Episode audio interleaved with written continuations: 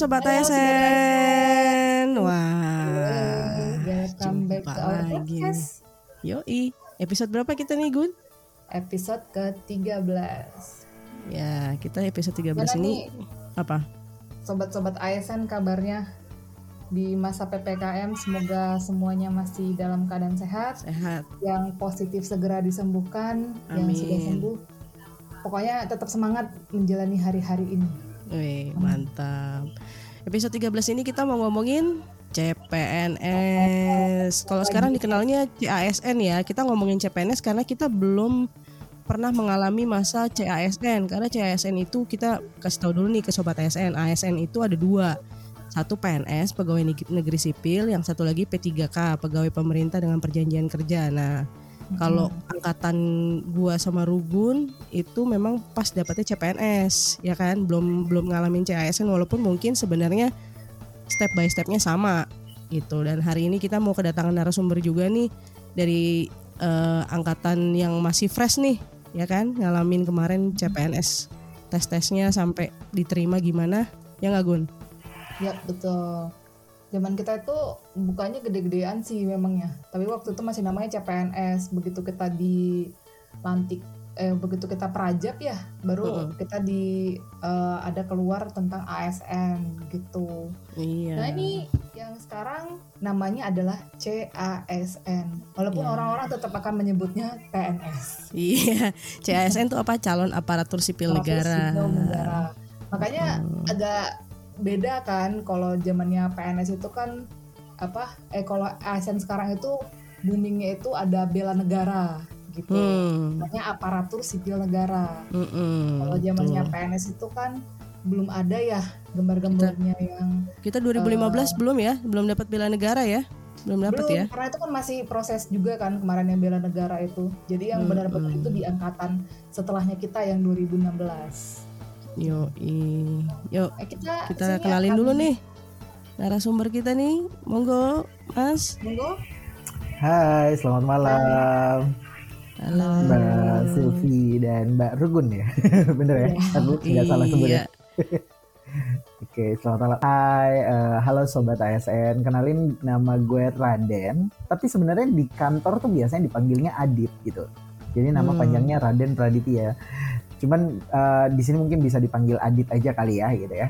Eh, nama gue Adit dan gue ikut untuk eh, seleksi CPNS waktu itu masih itu CPNS-nya 2018. Tapi kita mulai tes waktu itu dan mulai masuk ke eh, Kemenristek Dikti waktu itu ya.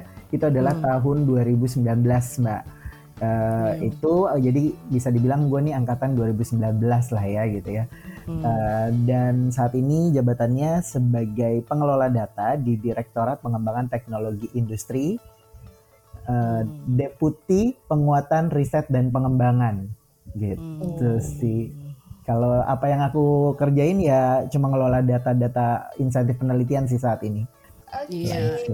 Em, kita sebenarnya di sini itu Mhm. cuman ini sih biar eh, teman-teman yang sekarang kan Mhm. eh, banyak banget nih yang semangat banget kan Mhm. mencoba CASN. Nah, kita Benar. mau ngasih support nih Mas Adit ke Oke. mereka melalui pengalaman-pengalaman Adit Mas Adit nih Oke. sepanjang kemarin seleksi CASN. Aha, aha, aha, kemarin eh, kan eh, memang biasanya memang aha. eh, setahun Iya. hampir kita ngadapin beberapa bulan dulu ya baru tahun depannya tahu proses diterima atau enggaknya nah Iya. Mas Adit sendiri itu eh, awalnya memutuskan untuk eh, eh, Ikutan, awalnya memutuskan untuk ikutan ikutan CASN, itu CSN. sama akhirnya udah ah gue mau di sini nih itu tuh gimana tuh Oke.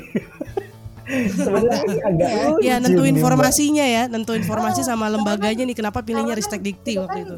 banyak lembaga nih kemarin Aha. yang Hmm. buka gitu apalagi eh, kalau boleh tahu Mas Adit nih S1 kan S1, kemarin daftarnya kan S1 nya apa? Jurusannya IT.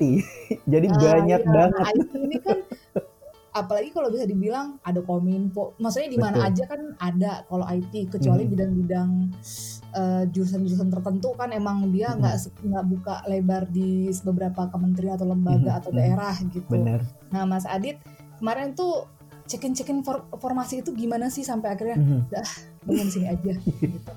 Oke, jadi sebenarnya ini ada apa ya? Sebenarnya lucu sih. Jadi eh, awalnya aku tuh udah tahu, udah daftar dulu kan namanya SSCN ya. Kalau sekarang SSCASN gitu ya. Mhm. Uh, terus jadi udah lihat-lihat nih, udah daftar nih SSC eh, apa SSCN waktu itu terus udah lihat uh, formasinya. Oh banyak juga ya ternyata IT gitu kan pilihannya. Banyak banget. Nah sayangnya waktu itu karena kesibukan di kantor sebelumnya bener-bener kayak ya udah karena gini ini aku mau jadi PNS nggak ya? gitu. Ini mau mau mas mau ikutan nggak ya tesnya? gitu. Itu bener-bener nggak eh, nggak kepikiran sama sekali Eh, apa namanya ya udahlah biar apa namanya waktu berjalan berjalan sampai hari terakhir penutupan. Penutupan itu jam 15.00 jam 3 aku ingat banget penutupan SSCN itu eh, sambil pilih, pilih formasi gitu ya. Nah terus eh, temenku yang sebelah aku kebetulan dia juga daftar daftar eh, apa namanya CPNS waktu itu. Jadi dia bilang mas ini udah eh, mau close loh jam 3 Hah close apa close pendaftaran SSCN dia bilang PNS dia bilang gitu kan. Oh gitu ya udah jadi setelah makan siang jam 1 aku baru buka baru foto KTP foto diri scan scan semuanya itu kan udah kayak tight schedule banget kan gitu. Dan akhirnya ya udah aku tuh bener-bener eh, sebenarnya udah ada beberapa kementerian yang udah eh, istilahnya pingin aku daftarnya ke sana gitu ya. Nah karena waktunya udah tinggal dikit udah nggak bisa mikir lagi aku pilih dong yang paling atas. Dan dia bilang temanku bilang mas kalau yang paling atas itu yang paling banyak peminatnya loh. Oh iya kak. Dan ya udah jadi klik aja gitu terus submit udah selesai. Aku bahkan nggak tahu itu kementerian apa cuman aku baca Kemenristek Diktinya kan panjang tuh ya. Kementerian Iya. kita dulu kan paling panjang tuh. Kemenristek Dikti kalau yang lain kan uh, Kominfo Kemenhub waktu itu juga ada kalau nggak salah. Terus sama Setnek uh, yang Hmm. atas-atas lah gitu. Ya udah tapi aku pilih yang paling atas. Aku nggak ngeliat tuh kalau ternyata layarnya kalau di ke kananin lagi itu keliat berapa pelamar di tempat itu gitu. Akhirnya Hmm. setelah udah submit cek cek cek selesai gitu ya. Dan aku baru tahu dong itu yang ngelamar di situ 124 orang. Dan dipilih cuma untuk satu orang Wah. oh yang maksudnya yang bagiannya Mas Adit sekarang yes betul betul iya iya yang artinya sebenarnya kalau secara keseluruhan itu tuh banyak banget yang melamar di banget ya. mas wow Eh, banget banget mbak happening banget ya Mbak Ampi. Nah, Beda juga angkatan nggak kita ya sih. Nah, jadi kalau di SSCN 2009 eh, 2018 itu Mbak kita udah kayak ngelamar bangku lah ya. Jadi benar-benar ngelamar pengelola data di direktorat ini di, eh, apa namanya dulu dirjen ya. Di, Hmm. dirjen ini gitu loh, direktorat jenderal ini. Jadi udah kesebut semuanya sampai eh, apa namanya staf terkecilnya gitu sampai eselon eh, tiganya waktu itu. Itu udah Hmm. kesebut gitu. Jadi ya udah cuman satu bangku direbutin 124 orang waktu itu. Dan aku kayak, ah bener nggak sih? bisa nggak diulang? Ternyata kan nggak bisa karena udah close juga kan, dan nggak bisa Hmm. dirubah juga. Ya udahlah, Bismillah aja waktu itu. tapi kalau boleh tahu nih Aha. eh, Mas Adit itu ini percobaan pertama CPNS atau sebelumnya udah kerja Eh, sebelumnya sudah kerja dan untuk CPNS itu baru pertama kali banget. Oh, tapi, tapi emang emang maksudnya emang mau niat masuk dan persiapannya apa aja sih mas gitu? Nah, kalau uh, niat sebenarnya tentu ada ya niat tuh pasti Mhm. ada siapa sih yang nggak mau jadi PNS waktu itu gitu kan ya Oh. maksudnya sampai sekarang pun siapa sih yang nggak mau jadi PNS gitu kan ya Uh, niat pasti ada cuman waktu itu karena memang uh, kebetulan di kantor yang sebelumnya udah ngelola tim jadi uh, dan lagi hektik-hektiknya karena itu akhir uh, sorry awal tahun awal tahun tes sorry sorry Uh, akhir tahun, akhir tahun. Kalau nggak salah kita tes tuh November atau Desember 2018 deh. Uh, SKD-nya itu. Jadi uh, karena dulu aku di dunia perbankan, Mbak. Jadi uh, ya tahulah apalagi akhir tahun gitu kan. Jadi bener-bener kayak persiapannya tuh cuman kayak satu jam setiap hari atau setengah jam setiap hari gitu. Itu pun nggak nggak nggak rutin ya.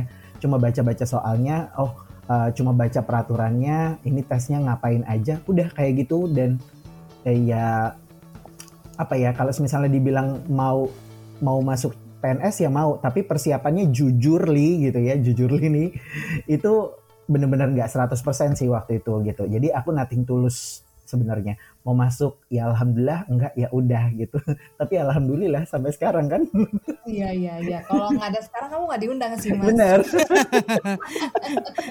Pengalamannya Mas Adit ini tuh hampir Hmm. sama kayak aku loh Mbak. Mhm. Seriusan. Jadi emang waktu itu kan aku kebetulan kan S1-nya kan emang eh, antropologi ya. oke Nah waktu itu emang nyari banget nih yang nerima antropologi itu di mana gitu. Eh, Tapi Hmm. sebenarnya untuk daftar CPNS tuh nggak ada niat sama Hmm. sekali nggak ada. Ya biasalah orang tua kan gitu. Nah akhirnya pas ngeliat-ngeliat-ngeliat, nah itu sama kayak Mas Adit tuh eh, eh, benar-benar injury time banget. Jadi awal-awal cuma ngeliat ngeliat oh kayaknya pengennya di sini gitu. Nah terus ada insiden eh waktu mau upload terakhir mhm. mau milih kan itu di mana. Nah itu nggak bisa ke ini kementerian yang lain itu nggak bisa ke nggak tahu deh kendala wifi atau gimana. Tapi akhirnya yang ke pilih itu ya Kemenristek gitu. Dan gue nggak tahu itu sebenarnya kementerian apa Iya, udah jujur aja aku nggak tahu tuh kementerian apa sebenarnya. Terus akhirnya sejak eh, apa ya udahlah karena udah kadung daftar, ya udah jadi nating tulus juga tuh belajar Hmm. ya karena kayaknya waktunya nggak nggak lama ya setelah pendaftaran ke administrasi itu nggak ada persiapan sama sekali malah gitu. Terus Bener. akhirnya ya udah begitu sampai sekarang gitu. Nah, tapi balik lagi ke Mas Adi Berarti tuh. Gun, berarti kalau disimpulin sebenarnya gini, itu semua kalau eh, pertimbangan untuk ngambil formasi atau institusi yang bisa diambil salah satunya mungkin faktor pertama cari yang nggak populer. Ya nggak Nah, sih untuk probabilitas. gitu ya gitu sih probabilitas. Tapi ternyata itu terpecahkan juga nih di kasusnya Adit sama Rugun nih. Ternyata kan nggak selalu juga yang nggak populer itu juga saingannya nggak banyak gitu kan. Iya, Benar. iya, bener bener banget. Itu tuh Hmm. bener kayaknya pas zamannya kita aja po lumayan loh po yang yang mendaftar itu banyak loh Kemenristek itu. Iya. Mm-mm. Eh, eh, jadi belum tentu nggak pop. Jadi sebenarnya kadang-kadang itu malah kebalik sekarang itu. Yang nggak Hmm. populer tuh orang malah daftar karena orang mikirnya orang nggak tahu gitu loh. benar Iya Kalau pas sama. tahun aku sih bilangnya gini kalau misalnya pelamarnya dikit biasanya katanya tuh tempatnya nggak bagus mas gitu kan infonya Hmm. dapatnya kayak gitu itu sih itu sebenarnya infonya adalah setelah aku klik itu dia bilang ya udah nggak apa-apa berarti yang kamu lamar itu pasti tempatnya bagus dia bilang gitu kata temanku Hmm. yang emang bener-bener dia persiapan udah bertahun-tahun udah ikut yang kedua kalinya waktu itu dia Hmm. dan orang tuanya PNS juga jadi udah tau lah sejarahnya eh, apa namanya seleksi PNS tuh kayak gimana gitu kan oh oke Hmm. oke baik ya udah gitu kan itu Terus setelah sampai itu kamu ada belajar-belajar gitu gak Mas Adit?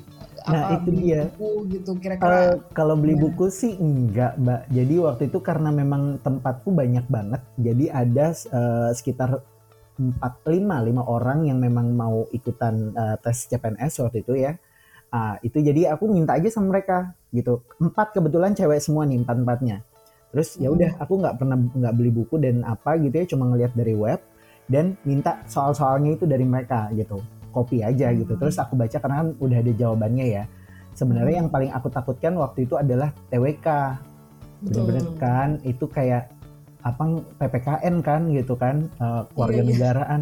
Ini aku kalau ditanya pasal-pasal mati lah gitu kan. Aku nggak tahu sama sekali gitu kan. Oke lah Tiu hitung-hitungan intelijen. Ya masih masuk akal lah TKP Iya, iya, gitu, eh, apa namanya kepribadian masih oke lah gitu kan ini Mm-mm. TWK nih mampus deh nih kalau jelek kan gue bisa-bisa di blacklist dari Indonesia gitu Betul banget, betul. gitu Yang sih. paling ditakut itu TWK, beneran TWK. Jadi aku belajarnya bener-bener TWK doang, TWK doang. Jadi Hmm. belajar tentang Pancasila, undang-undang sampai butir-butirnya, terus apalagi ya, Eh, ya tentang pasal-pasal yang berkenaan dengan Kemenristek dan saat itu tentang A- ASN gitu ya. Aku baca-bacanya kayak gitu doang. Bener-bener karena tight schedule.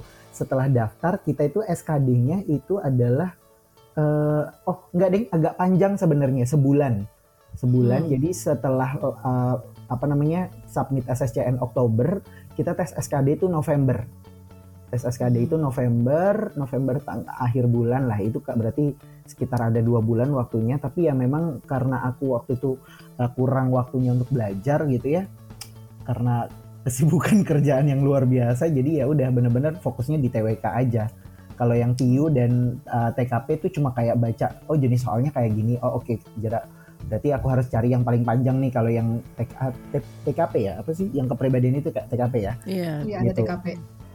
Pokoknya cari yang jawabannya paling panjang pernah ada yang bilang gitu tuh waktu itu di Twitter oke fine ya udah aku pegang itu Jawabannya gitu. paling panjang. Banget. Ini ini ini gue itu kan tesnya itu kan TU, TKW, TKP ya. iya TWK. TWK. ini gue baru tahu dari Mas Adit, baru dari Mas Adit nih. Gue Heeh. nggak maksudnya itu TKP itu pertanyaan paling menjebak juga Mm-mm. gitu. Jadi selain kita harus TKW itu tuh TKP itu paling menjebak banget ya Mas Adit ya. Eh, Dan gue banget tahu nih dari lu kalau misalnya nyari jawabannya itu paling panjang. Jadi enggak sih sebenarnya nggak tahu itu bener apa enggak ya tapi Tapi terbukti nggak? Tapi terbukti nggak sih sebenarnya? Waktu lu- skornya lu keluar. Merasa gimana pas lihat nilai lu di di ini kan di kalau nggak salah kalau mm-mm. di zamannya kita itu kan ditampilin langsung ya mbak Benar. ya Sama. Iya. Mm-mm. Nah, zamannya Mas Adit ditampilin langsung nggak? ditampilin langsung langsung Mm-mm. eh, apa pokoknya kita udah submit langsung keluar tuh nilai kita di luar Iya, kan di betul, luar betul. ruangan nah jadi kalau untuk yang eh, tes kepribadian itu itu kan karena kan katanya eh, kan pilihannya ada lima gitu ya pilihannya ada lima Mm-mm. A sampai E nah salah pun tetap dapat nilai satu kan jadi kalau Iya. nggak diisi malah nol gitu jadi ya udah. Nah jujur mbak sebenarnya waktu itu mungkin eh, apa namanya banyak yang eh, jeleknya tuh di eh, kepribadian ya. Karena udah panjang-panjang dan waktu kita tuh cuma 90 menit untuk 100 soal. Otomatis kan Mm. rata-rata berarti kurang dari satu menit kan? Ya Nah, betul. itu bacanya aja udah kayak novel gitu loh. Kayak eh bukan kayak novel kayak cerpen gitu kan. soalnya ya udah jadi eh, pokoknya jawab pertanyaannya tuh beberapa sampai 10 mungkin 7 sampai 10 soal terakhir tuh aku nggak baca soalnya. Aku lihat mana yang paling banyak hurufnya paling panjang pilih langsung klik. Karena udah mau habis waktu itu udah tinggal lima ya eh, satu menit lagi ya gitu. Udah langsung deh Tapi sih yang paling penting itu dijawab daripada tidak sama sekali ya. Iya. untuk yang Paling TKP kalau misalnya 10 soal ke- eh, kelewat aja udah ngurangin 10 poin iya ya nggak banget bener mbak. Mm-mm. Cuman eh, sobat ASN ya itu kalau mau ditiru silahkan, enggak juga eh, gimana ya bilangnya ya. Ya itu untung-untungan sih sebenarnya gitu. Yang pasti jangan sampai nanti nuduh Mas Adit, wah ini Mas Adit iya iya iya kemarin di podcast bilangnya yang jawabannya paling banyak nih ternyata gua nggak lulus ah jangan jangan jangan jangan itu kan cuman Trik. eh, strateginya Mas Adit Strategi. aja tuh karena dia baca-baca di Twitter hmm. gitu masalah Berarti kelulusan itu kita serahkan tetap ke Tuhan ya berarti kan yang tricky itu di antara TU, TWK dan TKP memang TKP ya yang dirasain Adit ya betul. waktu itu ya. bener Hmm. bener mbak sama Kalau TWK masih hafalan ya. TWK kan Hmm. hafalan ya, ya paling Iya. kalau misalnya udah pasal-pasal kita udah nggak ngerti ya udah gitu. Tapi Hmm. kalau Pancasila undang-undang masa sih kita nggak bisa nebak-nebak lah mana yang paling deket gitu kan, even kita nggak tahu Iya. banget gitu. Hmm. Karena itu yang agak agak sulitnya itu ya kalau TWK itu buat Hmm. anak-anak sains terutama ya. Kan Iya mbak, bener banget. anak-anak IPA lah yang dulu basicnya IPA tuh kalau hitung-hitungan TU oke lah lewat gitu kan. Iya kecil po kecil gitu kalau sama mereka Nah, eh, aku juga dapat ini sih kayak apa namanya masukan gitu ya. Jadi kan kayak ikut eh, geng-geng belajarnya eh, CPNS waktu itu. Dia bilang gini, eh, siapa di sini yang lulusan sains atau IPA atau eh, dunia-dunianya dunia eksak gitu kan? Hmm. Biasanya kalian kalau udah ketemu hitungan kalian selesaiin tuh sampai habis tuh waktu gitu kan.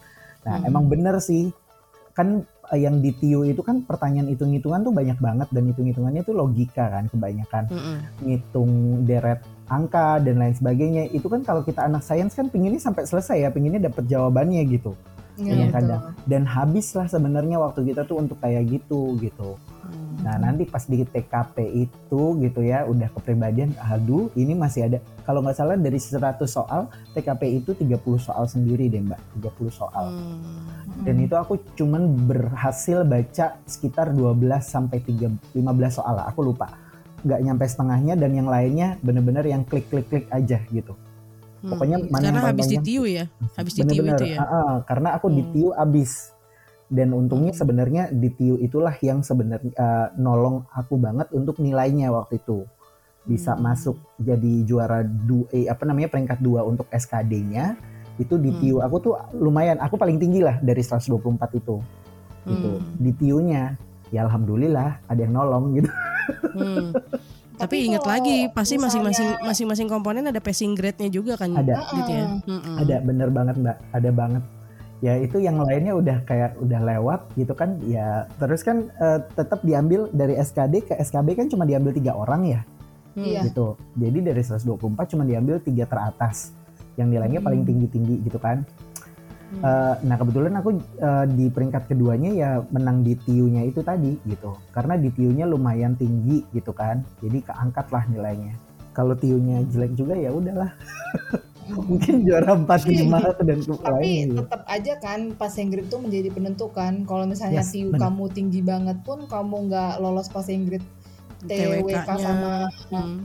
Mhm, eh, T, T, apa, TKP, TKP. TKP-nya Iya. tetap aja nggak lulus kan? bener Iya. harusnya kayak gitu tapi gini mbak sebenarnya oke aku berasa adalah orang yang paling beruntung di dunia saat eh, S- apa namanya tes tes SKD itu ya gitu Hmm. jadi jujur li di TKP aku aku masih kurang 4 poin Oh, 4 poin jadi setelah SKD itu kita Hmm. nil- lihat nilainya gitu kan langsung tuh ada tulisannya lolos passing grade tidak lolos passing grade langsung ada tulisannya Hmm.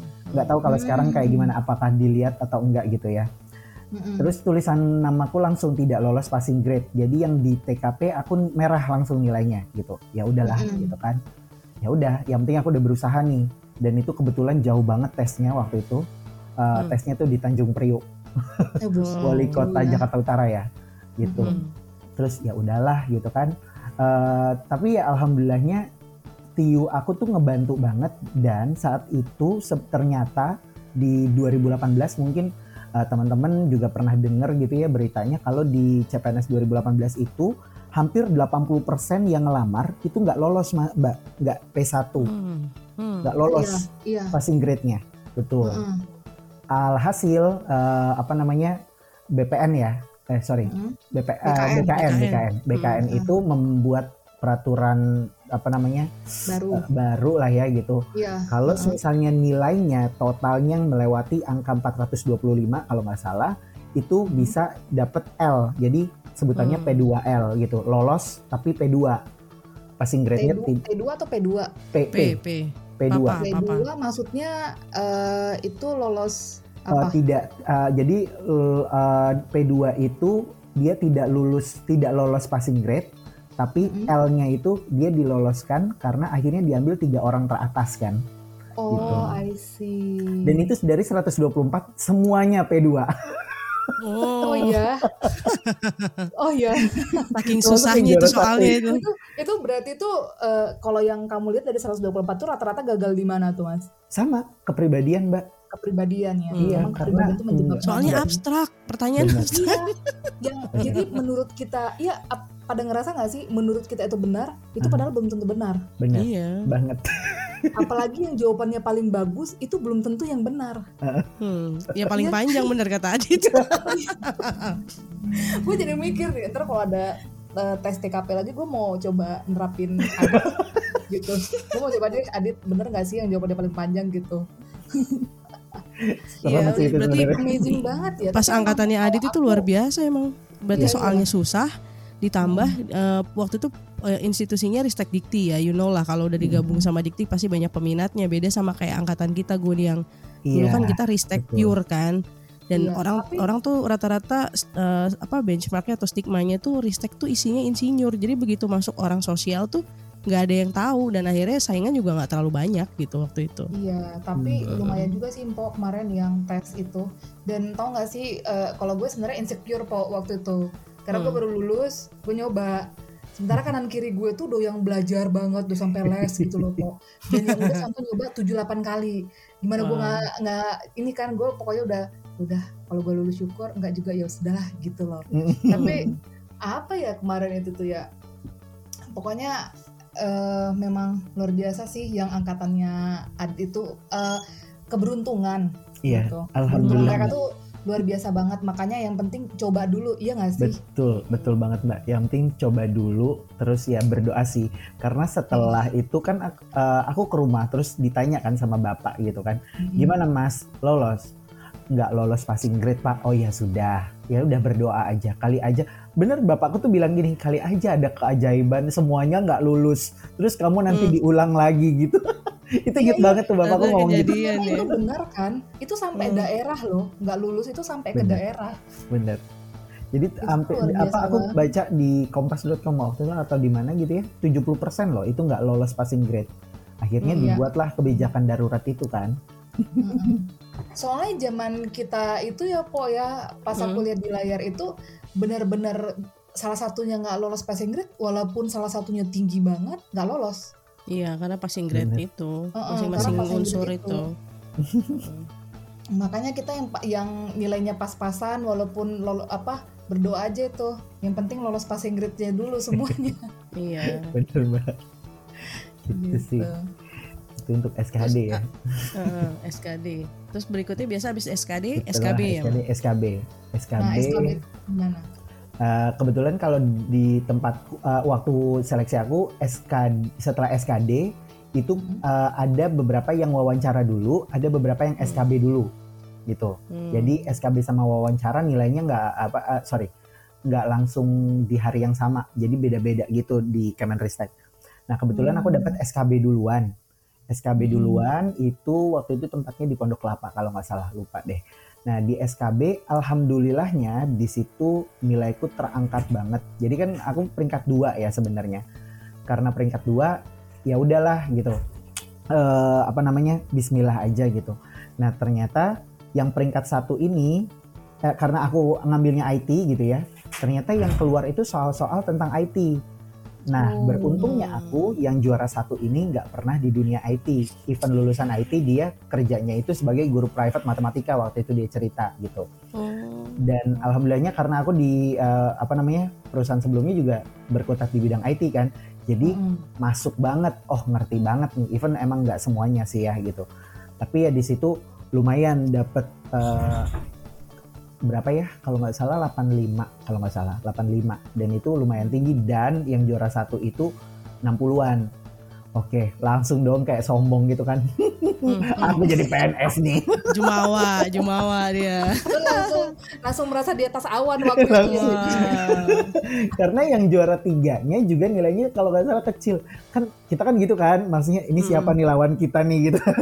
Dua Iya, orang iya, ini iya. siapa nih namanya aku inget inget inget inget gitu kan terus nilainya di bawah yes gitu kan. Tapi Hmm. temanku bilang tapi setelah ini ada wawancara loh mas gitu kan. Wawancara itu Hmm. juga nentuin gitu.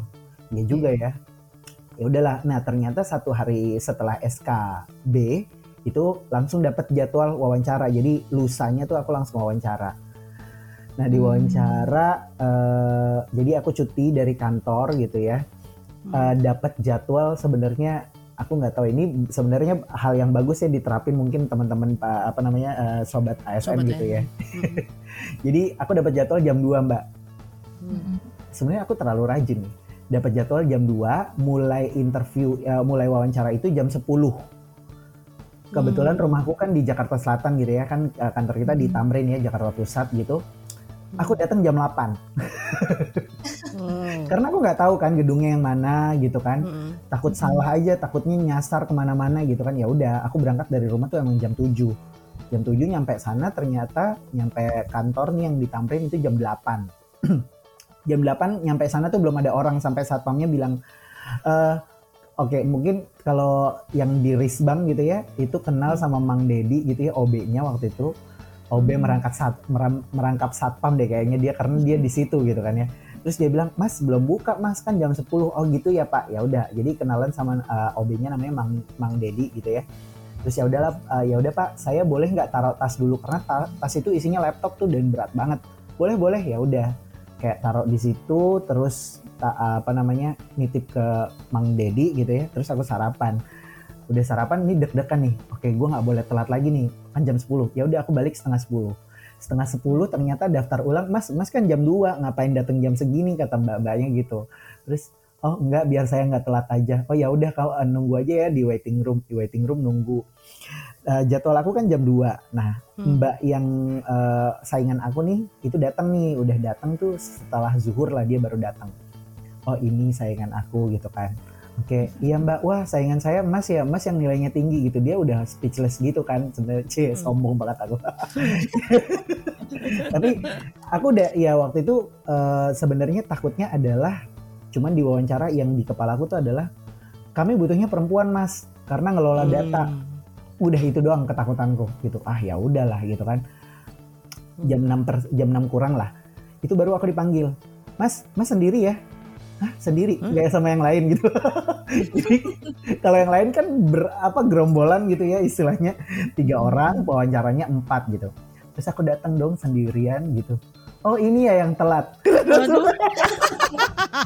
aku nggak telat Pak. Aku padahal justru paling pagi justru ya. Ya ampun. aku membela diri dong gitu Hmm. Enggak pak, saya nggak telat. Sebenarnya saya udah datang dari jam 8 pagi. Waktu itu ada, aku lupa ada empat orang. Eh siapa ya? Ada Pak Hotma, ada Pak Prakoso, ada Pak Oki. Waktu itu direkturnya tiga dan Hmm. Pak Ses gitu ya. Pak Prakoso sama satu lagi aku lupa. Bu siapa? Jadi empat orang. Dan eh, kagetnya di interview adalah aku disuruh langsung bahasa Inggris, perkenalan bahasa Inggris sama Pak Hmm. Oki. Pak Oki itu bilang, "Eh, Mas kenalin diri pakai bahasa Inggris ya. Oke, Mhm. ya udahlah. Aku kenalkan diriku dalam bahasa Inggris dan lain sebagainya. Terus eh, Pak Hotma sama Pak Prakoso, Pak Hotma lebih tanya pribadi aku sih gitu kan. Kamu Hmm. kerja di mana? Kuliah eh, sekarang kerja di mana? Terus dia dia nanya kan, kerjaan kamu Pak Hotma satu pertanyaan yang aku eh, ingat banget dari Pak Hotma adalah kamu kerjanya di perbankan. Gaji kamu berapa? Segini, Pak. Hmm. Di sini gajinya itu bisa setengah atau bahkan empat kali lebih kecil loh mas. 25% dari yang kamu terima sekarang dia bilang gitu. Hmm. Itu agak nyesek sih. Iya ya kok gue nggak ngeliat gaji ya. Wah. nah itu itu sobat SN garis bawahi ya. Jadi jadi jangan berharap kesejahteraan lah di PNS. gitu kan. Nggak itu emang kocak sih. Nggak itu nggak nggak dialami sama lu aja sih Mas Adi. iya, Lu semua. juga nggak tahu itu. Jadi Pak Osman tuh langsung ketawa gitu. gue masuk PNS, gue nggak tahu tuh gaji berapa. Bahkan gue nggak tahu itu kementerian ada tingkatannya. Iya bener. itu sempet sempet narik napas sih. Oke, tapi ini karena wawancara aku harus tetap bersikap profesional nih. Iya iya iya.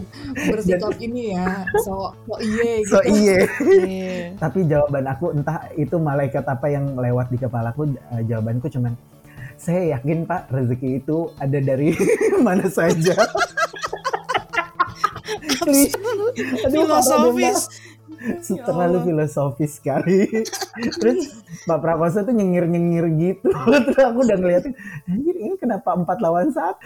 Eh, terus apa lagi ya mungkin oh iya di wawancara tentunya kalau Pak Prakoso waktu itu ya itu nanya tentang ini sih Mbak Eh, bagaimana cara kamu membuktikan bahwa diri kamu adalah orang yang jujur? Bagaimana cara Hmm. kamu membuktikan diri kamu adalah orang yang eh, cinta negara gitu kan? Eh, apa namanya? Dan bela negara gitu kan?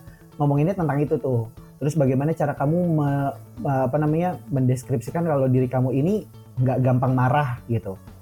Ya Hmm. udah kita jawab memang harus bener-bener jujur karena aku yakin banget itu kan pertanyaan-pertanyaan psikologis ya. Kalau kita ngebohong Hmm. pasti kan kelihatan banget gitu.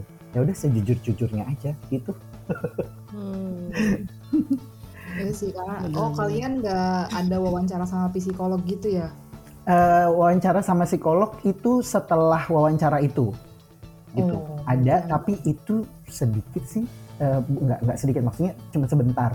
Kita suruh tes.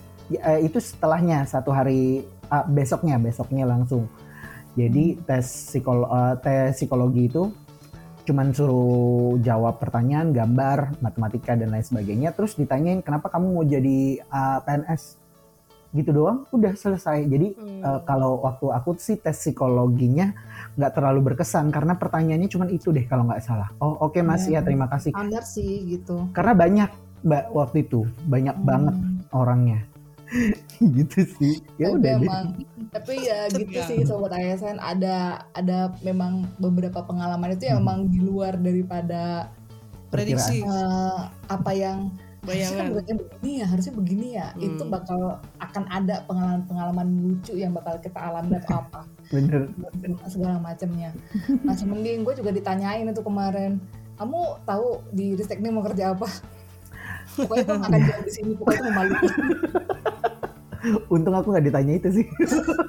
Kalau nggak aku Iya. bodoh banget pasti itu. Gue ditanya itu terus jawaban gue tuh bikin mereka ngakak. Ya udah gue langsung pokoknya gue begitu selesai itu wawancara ya po ya. Hmm. Eh, sama tadi itu gue Mm-mm. ditelepon nyokap gue gimana tadi eh, ujiannya? Ya udah mah kayaknya nggak ada harapan lulus ya udah makanya begitu lulus itu kayak yang "Hah, padahal jawaban gue aneh banget kemarin. Jadi kalau buat yang kerja pasti ditanya biasanya gini kalau kemarin aku jawab eh, pertanyaannya salah satunya gini pernah ada konflik nggak dengan atasan? Terus bagaimana menyikapinya? betul. maksudnya konflik dalam Betul. arti ketika eh, berselisih paham terus gimana kamu menyampaikannya gitu kan. Iya. terus kaitkan eh, pekerjaan kamu sebelumnya dengan pekerjaan lowongan formasi yang kamu lamar. Itu ada juga tuh pertanyaan kayak gitu Mm-mm, mungkin itu buat yang udah ada pengalaman kerjanya ya. Kerja ya Eh, bagi saya yang belum ada pengalaman kerjanya kemarin bener-bener out of the box lah. Itu pertanyaan. Dan ditanya kamu tahu nggak kerjaan di desa itu ngapain? Lah. Ya saya selama ini taunya PNS itu di kecamatan aja pak gitu serius lo jawab gitu? Ya ampun. ya enggak gue nggak jawab gitu. Cuma Oh. gue jawabnya ya ya gitulah po. Ya kan lu tahu riset riset kan riset dan teknologi. Ya ngapain lagi? Gue pikir kan kayak BPPT kan penelitian. Ya saya jawab udah aja. Ya meneliti pak nanti. Ketawa. Gue ada yang kayak yang gue ya udah mau nangis di situ gue kayaknya nggak bakal lulus ini udah. Pokoknya ya eh, yang pasti intinya sih mungkin nggak tahu ya kalau yang lainnya gimana. Eh, mereka nggak terlalu suka sih jawaban standar ya saya mau mengabdi kepada negara. Iya betul banget mbak. Mm-mm. ya nggak? Setuju. Setuju nggak mas Adit yang setuju mas banget. Adit ini kan eh, termasuk masih fresh ya gitu. Bener. Ada satu -nya satu gitu. kata-katanya Pak Oki tuh dia eh, nanya dia gini nanyanya "Eh, Mas eh, emang kamu kamu eh, kan dia dia tahu aku yang apa udah kerja gitu ya terus Mm. di- eh, kita kan kasih CV banyak banget istilahnya ada penghargaan dan sertifikasi gitu-gitu kan. Mas ini penghargaan kamu banyak loh. Kalau di PNS kamu nggak ada kerjaannya loh cuma bengong-bengong aja.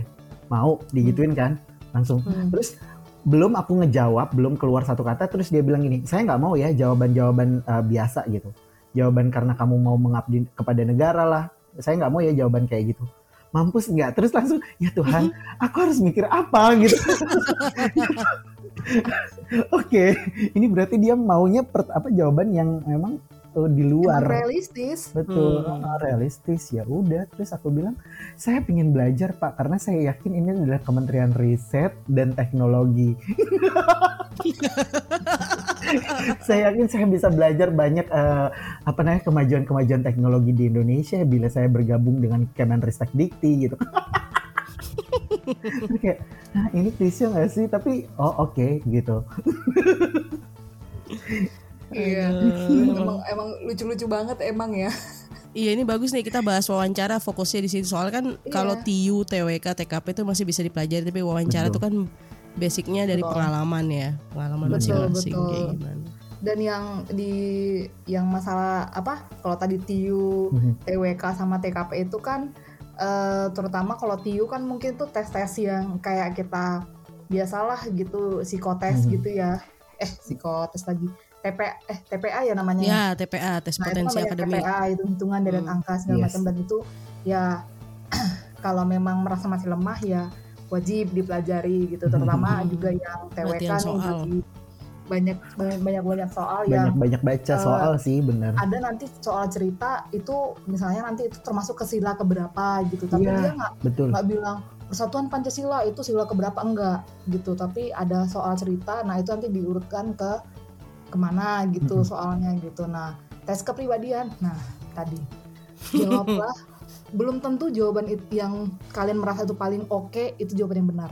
Iya. Jadi jawablah sejujurnya jawablah sejujurnya sesuai hati Betul. nurani nah dan sebenarnya jawab soal SKB tadi ya Mas Adit ya poin Heeh. penting itu Benar. berarti kan yang diminta itu emang pengolah data ya pengolah data. Jadi Nah, waktu itu berarti emang kalian harus tahu tuh dasar-dasar pengolah data itu apa aja. Yes. Kalau emang kalian mau ngambil itu ya nggak sih Mas Adit ya? benar. Jadi eh, kebetulan aku sebelahku ini eh, guru olah eh bukan guru sorry. Eh aku apa ya waktu itu ya dia akuntansi deh. Eh, jadi dia itu akuntansinya akuntansi bisnis kalau nggak salah aku lupa deh. Hmm. Dia tuh bener-bener yang keluar tuh nangis mbaknya itu.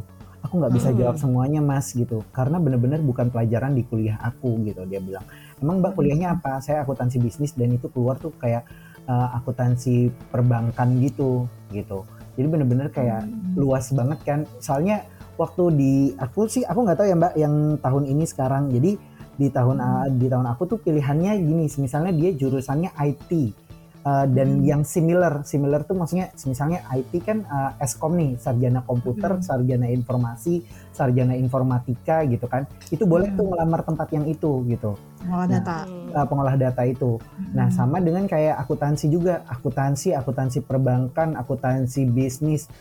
Nah, semuanya masuk di satu tempat itu gitu. Dan kita kan nggak tahu nih, Hmm. pertanyaannya ternyata nggak sesuai dengan apa yang kita pelajarin di kuliah gitu. Hmm, Hmm. iya, iya, iya. Ya sampai mbaknya sebelah aku tuh nangis sih dia keluar itu. Berarti tricky juga ya. Kita ngeliat formasi jabatan dengan eh, apa namanya latar belakang akademik kita Mhm. itu harus Iya. dipikir ulang ya. Kira-kira bakalan betul. sinkron nggak? Jangan sampai ketika memang Iya. di situ kita butuh misalkan kayak tadi akuntansi, dia bisa masuk di pengolah data. Ternyata ketika SKB-nya malah nggak bisa jawab sama sekali. Nah itu juga keluarnya jadi poin IT penting gitu tuh. kan. Mm-mm. Padahal lulusan akuntansi. karena karena itu saling berhubungan ya Mas Aditya. Jadi Benar. walaupun nilai kita yang di CAT itu emang tinggi banget, Mhm. tapi ketika saingan di bawah kita itu rendah CAT-nya, misalnya kan kita dua nih, Mhm. yang di bawah kita rendah CAT-nya, bisa jadi kalau kita gagal di SKB dan SKD ini, dia dikatrol di SKB dan SKD. Bener. Jadi bisa jadi dia yang keterima bukan kita gitu loh. Soalnya diambil Bisa- presentase kan mbak keterima. waktu itu kan. Mm-mm. Mm-mm.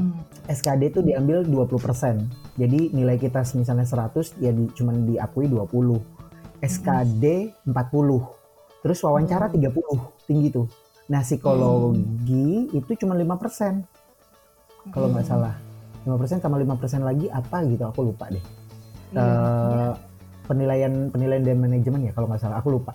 Jadi ada Hmm. 5 5 poin itu dan ya udah kalau wawancaranya juga ternyata orang user kita atau direktur kita nanti gitu ya itu nggak terlalu suka dengan jawaban kita kan bisa direndahin tuh habis deh Mm-mm. Mm-mm. 30% loh Benar-benar Gitu banget. sih. Makanya di SKB itu trikinya adalah eh, selain kita ngelihat formasi yang ada di suatu kementerian atau lembaga atau di pemerintah daerah, Mhm. itu kita juga harus ngelihat formasi itu itu sesuai nggak sih dengan latar belakang kita.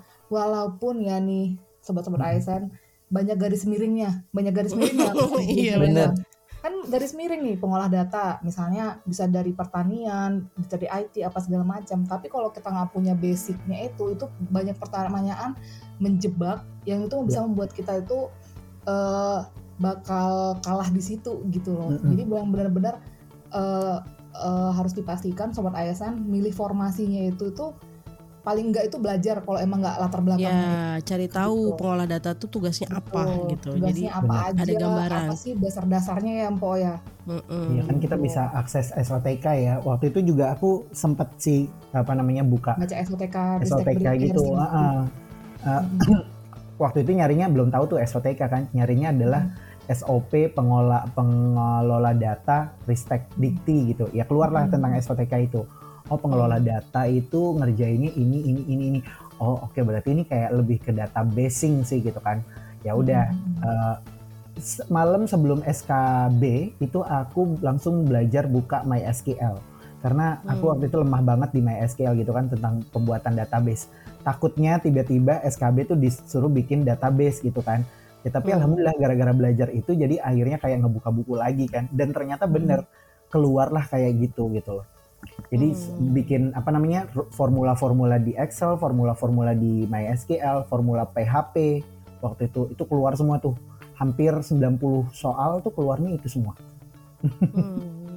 dan hitung-hitungan logika sih gitu Wah, seru seru Seru lah. seru seru. seru seru seru, seru banget apalagi di paling diingat juga tuh di bagian wawancara ingat guys kalau kalian eh, sobat-sobat ASN kalau kalian wawancara please Hmm. kita udah bilang dari awal jangan jawab mau mengabdi kepada negara Jangan. bener karena bener itu tidak akan dianggap realistis gitu Heeh. walaupun semua orang pasti yang akan coba PNS pasti pasti banget akan menjawab Hmm. itu pasti pertanyaan pertama kenapa kamu mau jadi PNS itu pasti ada sih ya iya Iya. itu pasti ada kamu juga pasti ditanya ya Mas Aditya iya ditanya kenapa kamu mau jadi PNS dan jawaban aku adalah waktu itu eh, sebenarnya karena PNS karena aku dulu dari BUMN gitu ya Mbak terus aku cuma bilang gini Hmm. saya ingin sih Pak sebenarnya citranya PNS nanti kami yang PNS PNS muda ini berganti gitu loh Pak. Nggak seperti PN, eh, citra PNS yang sekarang. Emang kenapa citra PNS sekarang gitu? Gitu kan? Itu oh iya ya salah juga gue ngomong ya depan gue kan PNS Aku nggak tahu itu PNS PNS Lu ngajak debat lo dit. kayak gitu dit. ngajak debat sih. Bodoh sekali aku gitu tapi ya udah. nggak dilempar dari lantai itu untungnya bapak-bapak dan ibunya itu baik-baik gitu ya. Cuman eh, Pak Pak Oki kan eh, waktu itu Pak Oki tuh memang mukanya tuh eh, agak datar gitu kan ya. Emang Iya, kenapa iya, PNS? Gitu. beliau ya Emang kenapa PNS? Oh gini Pak, maksud saya saat ini kan banyak banget tuh Pak yang kita dengar kan PNS PNS itu cuma kerja apa masuk kantor, main game, nggak ada kerjaannya tapi tetap dapat gaji. Nah saya pingin nih Pak PNS PNS muda tuh nggak kayak gitu lagi, tapi PNS PNS muda itu jadi agen perubahan. Cie, semangat waktu itu. Iya. Beneran serius ngomongnya itu tentang agen perubahan karena 2018 itu Pak Jokowi waktu itu ngomongin tentang agen perubahan itu kan, perubahan. untungnya ingat itu ya Dit ya jadi Ah, ah. membantu Iya. ya Itu penting juga tuh, itu garis bawahi juga tuh. Teman-teman yang mau ngelamar ke CASN, soal-soal eh, tentang berita-berita terkini kebijakan pemerintah juga perlu dibaca itu. Betul. Dan aku yakin banget sih Betul. kayaknya tahun ini bakalan dibahas tentang COVID. Benar, Nah, benar. Pokoknya eh, apa-apa aja kebijakan yang lagi trending sekarang, Iya. beberapa ya sekitar dua tahun terakhir lah itu penting banget sih untuk dikasih di di dibaca. gitu. Mm-mm. Terus kenapa ke itu informasinya penting lah juga ya. tuh buat jawab Dasar. yang tadi dibilang Mas Adit tuh kenapa eh, gembar-gembor banget pemerintah itu pengen agent of change gitu. Heeh.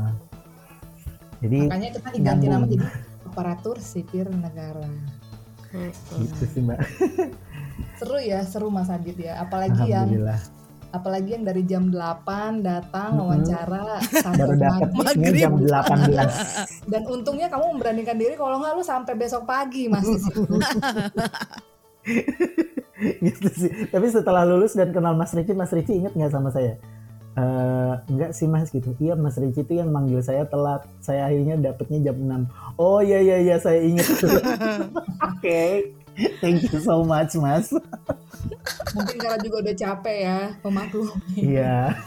Jadi ya udahlah Tapi ya. ada keuntungannya juga loh. Kamu diwawancarai satu, mungkin eh, itu salah satu lucky off-nya Mas Adit itu. Dia alhamdulillah diwawancara oleh empat orang eselon 2 waktu itu iya. sendirian. Dan mungkin eh, keberanian dia juga untuk menanya itu harus kita eh, tiru ya sobat-sobat ASN. Jadi Hmm. ketika kita ada punya jadwal dan emang harusnya jadwal kita kita beranikan diri nanya gitu Mm-mm, jangan benar. sampai kita menunggu gitu dan untungnya Hmm. Mas Adi tuh kemarin nanya gitu kalau dia nggak nanya mungkin dia sampai nanyanya agak telat sih jam 5 Iya. baru nanya iya tapi karena mungkin kamu nanyanya karena masih ada banyak orang yang bakal wawancara kan Betul, masih banyak karena kan Hmm. waktu itu dia eh, jadwal tuh ada yang sampai jam 8, Mbak gitu. Jadi bener-bener masih Hmm. rame tuh di waiting room gitu. Mm-mm. Jadi ya udahlah, masih bisa Iya, ngobrol-ngobrol sama teman-teman kalau kan. itu udah sepi kamu nggak nanya-nanya kan sebenarnya sampai maghrib itu Mm-mm. ya emang kesalahan kamu udah pulang. tapi kan kamu tahunya kan banyak orang gitu seru banget sih ini aduh ya ampun Mas Adit selamat ya congratulations Tapi ya itu ya jadi- emang yang namanya usaha tuh nggak akan mengkhianati hasil Iya. ya kan. Dan Mas doa Adit udah datang dari pagi. Iya Doa betul. orang tua. Doa orang tua itu pakai roket ke atasnya langsung semuanya kedengeran.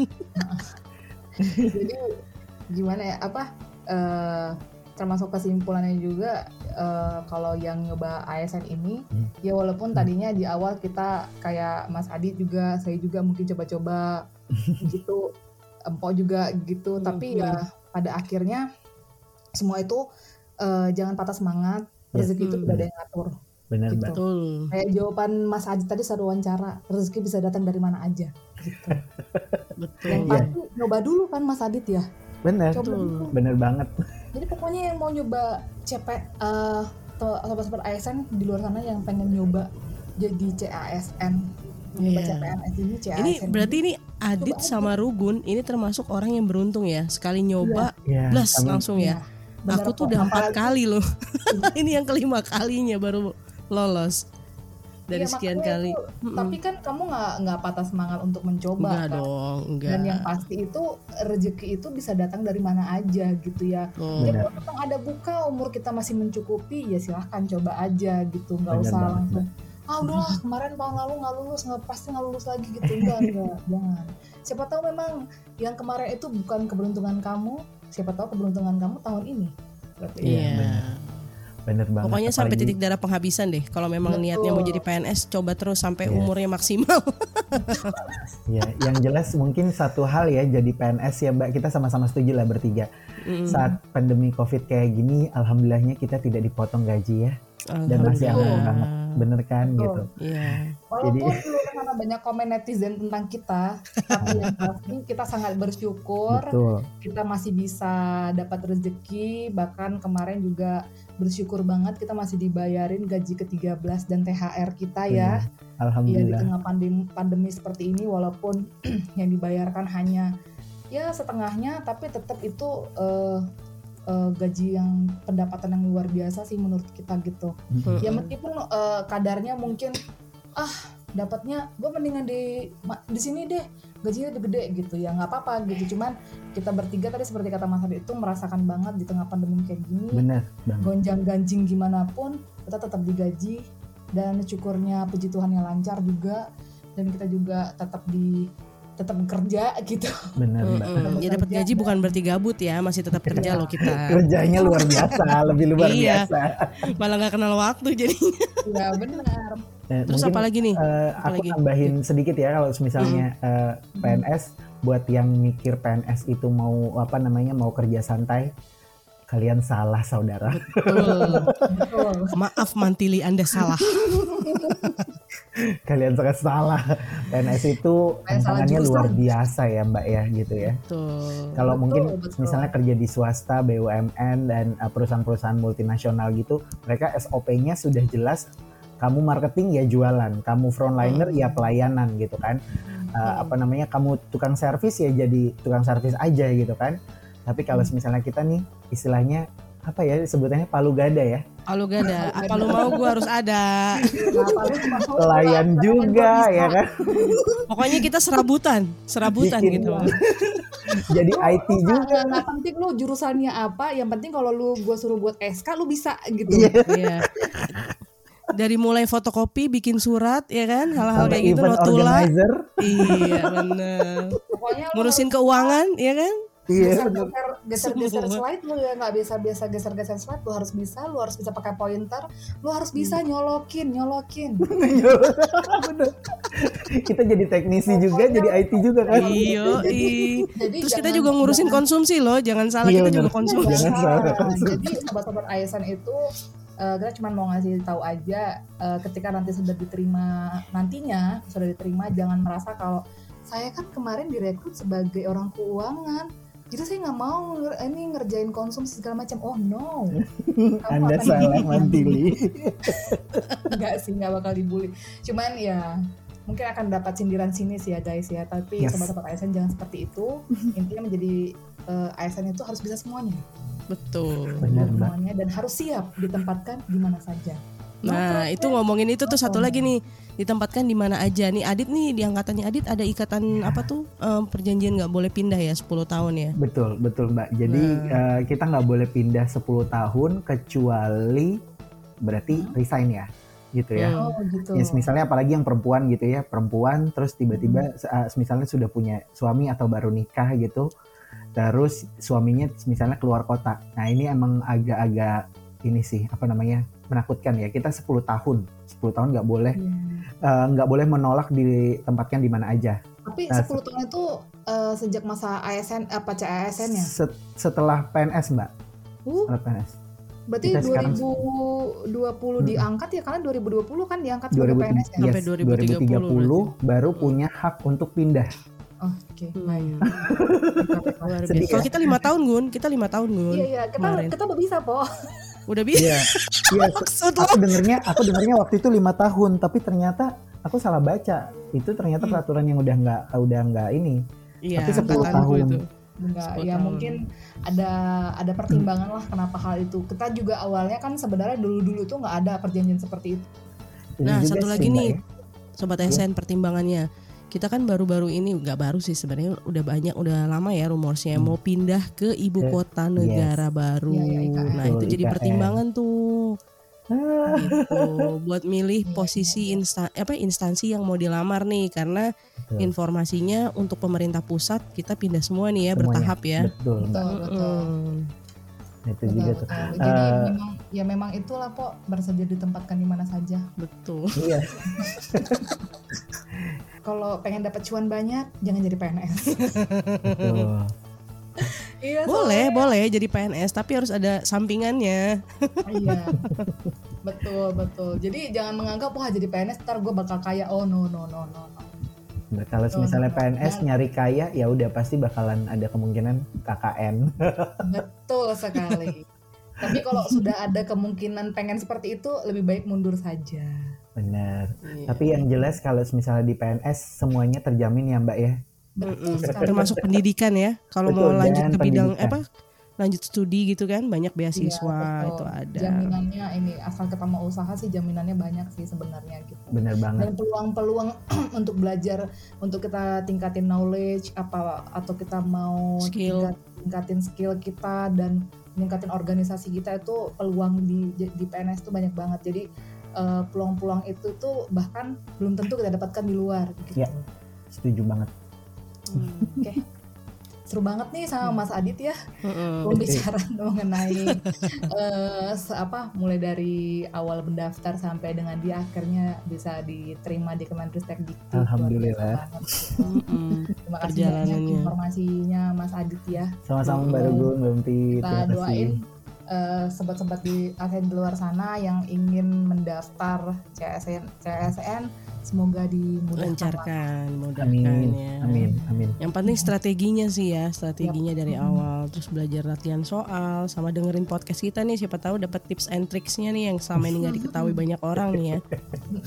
Seru seru loh itu tips and trick dari Mas Adit tadi itu luar biasa itu gimana ngadapin SKD SKB sampai ke wawancara Yes. eh, wawancara psikolognya juga gimana wawancara ke S2 nya gimana gitu.